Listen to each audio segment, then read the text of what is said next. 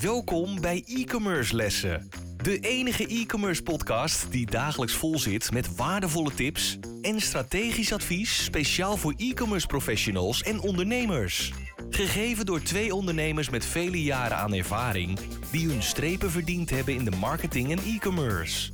Laten we beginnen met het verhogen van jouw e-commerce kennis. Hier zijn je leraren, Dries de Gelder en Alexis van Dam. Welkom bij e-commerce lessen. Dit is les 69. Ik ben Dries de Gelder. En ik ben Alexis van Dam. Vandaag gaan we het hebben over Instagram en uh, de linkjes daarvan. Uh, ja, zelf vind ik het altijd erg vervelend dat uh, je nooit echt lekker op een link kan drukken uh, in de post uh, op Instagram. Dus als ik uh, als bezoeker zijnde of als, als ik een keer op Instagram zit en ik zie een leuke post, dan moet je altijd moeilijk doen via de bio en dat soort zaken. En zelf word ik daar een beetje moe van en vind ik dat heel vervelend. Maar er zijn oplossingen voor, Alexis. Ja, zeker. Het is, het is ook natuurlijk in die zin, hè, uh, je zou je kunnen afvragen, waarom doen ze dat dan niet? Hoe moeilijk kan het zijn? Uh, het kan in Facebook, het kan in LinkedIn, het kan eigenlijk overal, behalve in Instagram. Uh, dat, dat gezegd, zou je kunnen zeggen, daar zal vast een reden voor zijn. Nou, die reden is er natuurlijk ook wel, omdat natuurlijk eh, Instagram, onderdeel van Facebook, tegenwoordig Meta geheten, die wil ik heel graag dat je hun beeld in oplossingen doet. Dus dat je kan shoppen via Instagram. En dan gaat ook allemaal via het systeem van hun. Waarbij je natuurlijk ook een beter beeld krijgen. Nou, ik kan me toch voorstellen dat je dan zegt, ik, ik wil dat niet. Ik wil gewoon eigenlijk uh, een linkje sturen naar mijn website, mijn artikel, mijn product, wat dan ook. Nou, er zijn een aantal mogelijkheden voor. Um, hè, je bijvoorbeeld uh, moet ik wel goed zeggen. Je hebt natuurlijk Linktree. Bijvoorbeeld ook Tab Bio en LinkedIn Bio. Dat zijn allemaal online oplossingen. En ze werken niet allemaal helemaal hetzelfde. Maar wat ze eigenlijk doen is, ze creëren dan een link voor jou. Die link die plaats je natuurlijk in je Instagram bio. En dan zeg je natuurlijk netjes in jouw uh, Instagram post van zie link in bio. Nou, dan hoop je dus dat er mensen naar die link scrollen in jouw bio, daarop klikken. En dan ga je naar een soort van een tussenpagina. Uh, en daar staat dan uh, de link op waarop mensen kunnen klikken om bij jouw website uit te komen. Of waar je ze ook naartoe wil sturen. Dat is eigenlijk in het kort hoe dat proces werkt. Um, nou, het mooie daarvan is dat afhankelijk van of je natuurlijk een gratis plan hebt of een betaalplan, dat je natuurlijk bij de betaalde plannen meer mogelijkheden hebt om het vorm te geven. Dat je ook misschien meer inzicht krijgt in de statistieken en allerlei andere zaken. Nou, op zich klinkt het allemaal heel erg mooi en heel goed. Uh, en ze doen best hele goede dingen. Denk bijvoorbeeld aan dat je kunt integreren met Spotify of YouTube. Dat het allemaal heel mooi eruit ziet en dergelijke. Het kan allemaal. Alleen een van de zaken die je wel uh, even moet overwegen is, het gaat wel vaak naar hun site toe. Dus jij krijgt een uh, URL op hun pagina. Dus eigenlijk wat je aan het doen bent, is dat via je Instagram pagina, als mensen geïnteresseerd zijn, stuur ze eerst naar hun pagina. Uh, en daar moet je eigenlijk dan hopen dat ze wat doorklikken. Nou, dat zet, me eigenlijk ook een beetje aan het denken. Want waarom zou je het eigenlijk niet ook nog anders aanpakken? Waarom zou je eigenlijk niet zeggen, hey, ik maak een soort landingspage op mijn eigen website en die hou ik netjes bij. Dus als jij een Instagram post plaatst over, nou, we nemen dit uh, net rond Valentijnsdag op daarvoor, zou je zou een Valentijnsactie bedenken. Mooie post op Instagram, uh, dan kan je toch bovenaan deze geweldige landingspage dan de doorkliklink zetten. Dan stuur je ze vast wel naar jouw website. En dat meer verkeer naar website is altijd goed voor organische resultaten. En dan zijn ze alvast op jouw website. En dan is het ook zomaar een mogelijkheid dat ze gewoon doorklikken naar de About Us of jouw veelgestelde vragen of andere zaken. In plaats van dat je ze stuurt naar een bedrijf die dit soort dingen aanbiedt en dat mogelijkwijs mensen gewoon wegklikken. En weg, potentiële lead. Dus uiteindelijk waar het op neerkomt, denk ik, is van wat wil je? Uh, als ik het was, zou ik eigenlijk zoveel mogelijk uh, de controle in eigen hand uh, willen houden. Omdat ik dan ook de mogelijkheid heb om die potentiële lead ook uh, goed te kunnen bedienen. Hoe denk jij erover, Dries? Ja, ik vind het in ieder geval een goede oplossing. En als je dan die link dus in de bio, als je dat dan heel simpel oplost en je komt dan op, een, op je eigen website terecht of op de website van Hè, waar jij je bezoeker terecht wil laten komen. En met daarin alle linkjes van jouw laatste post, zodat ze dat heel makkelijk kunnen overzien. met duidelijk de onderwerpen erbij en duidelijk erbij van joh, dit onderwerp waar we het over gehad hebben op Instagram, hier is de link naar onze website toe. Ja, ik denk dat dat een super oplossing is. En ik denk dat ja, dit enorm kan bijdragen in je conversie, maar ook zeker in je SEO-resultaten.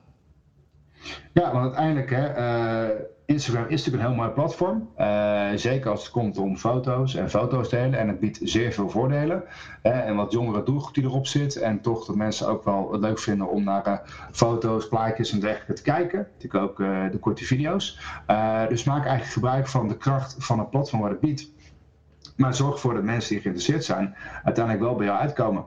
En misschien is het ook voor jou de eerste keer. Hè? En uh, als je zegt, nou ja, zo'n landing space bijhouden, consequent, is misschien allemaal best een hoop werk. Dat kan op zich valt waarschijnlijk wel mee, maar misschien is het toch voor jou een extra inspanning. Ik zou zeggen, begin gewoon eens een keer uh, voor zo'n uh, gratis variant van een van de genoemde oplossingen. Er zijn er vast nog wel meer. En kijk even hoe het gaat. belangrijk is ook dat je goed beeld krijgt van hoeveel mensen klikken uiteindelijk door. En dat is iets wat je dan uh, natuurlijk weer kan koppelen vaak aan analytics. Ene keer is dat een, gratis oplossing, de andere keer moet je daar dan wel voor betalen. Uh, maar check dan bijvoorbeeld ook hoe komen ze dan zichtbaar in je Google Analytics. Is dat dan als Instagram of omdat het via een andere site gaat, wordt het een referral. En dan wordt het als je echt specifiek om grote aantallen praat, wordt het wat minder duidelijk hoe nou het verkeer op jouw site terechtkomt. En dus dat zijn misschien zaken waar je eens even, zoals heel vaak met marketing, doe eens even een testje werkt het voor jou en krijg je er voldoende inzicht uit. Uh, dat denk ik wat belangrijk is. Uh, want je wilt gewoon zorgen dat mensen via uh, Instagram uiteindelijk ergens terechtkomen. Ja, zeker. Hey, waar ik dan al gelijk aan zit te denken, je hebt natuurlijk ook van die bedrijven die doen 10, 15 posts per dag. Hoe zou je het dan oplossen, Alexis?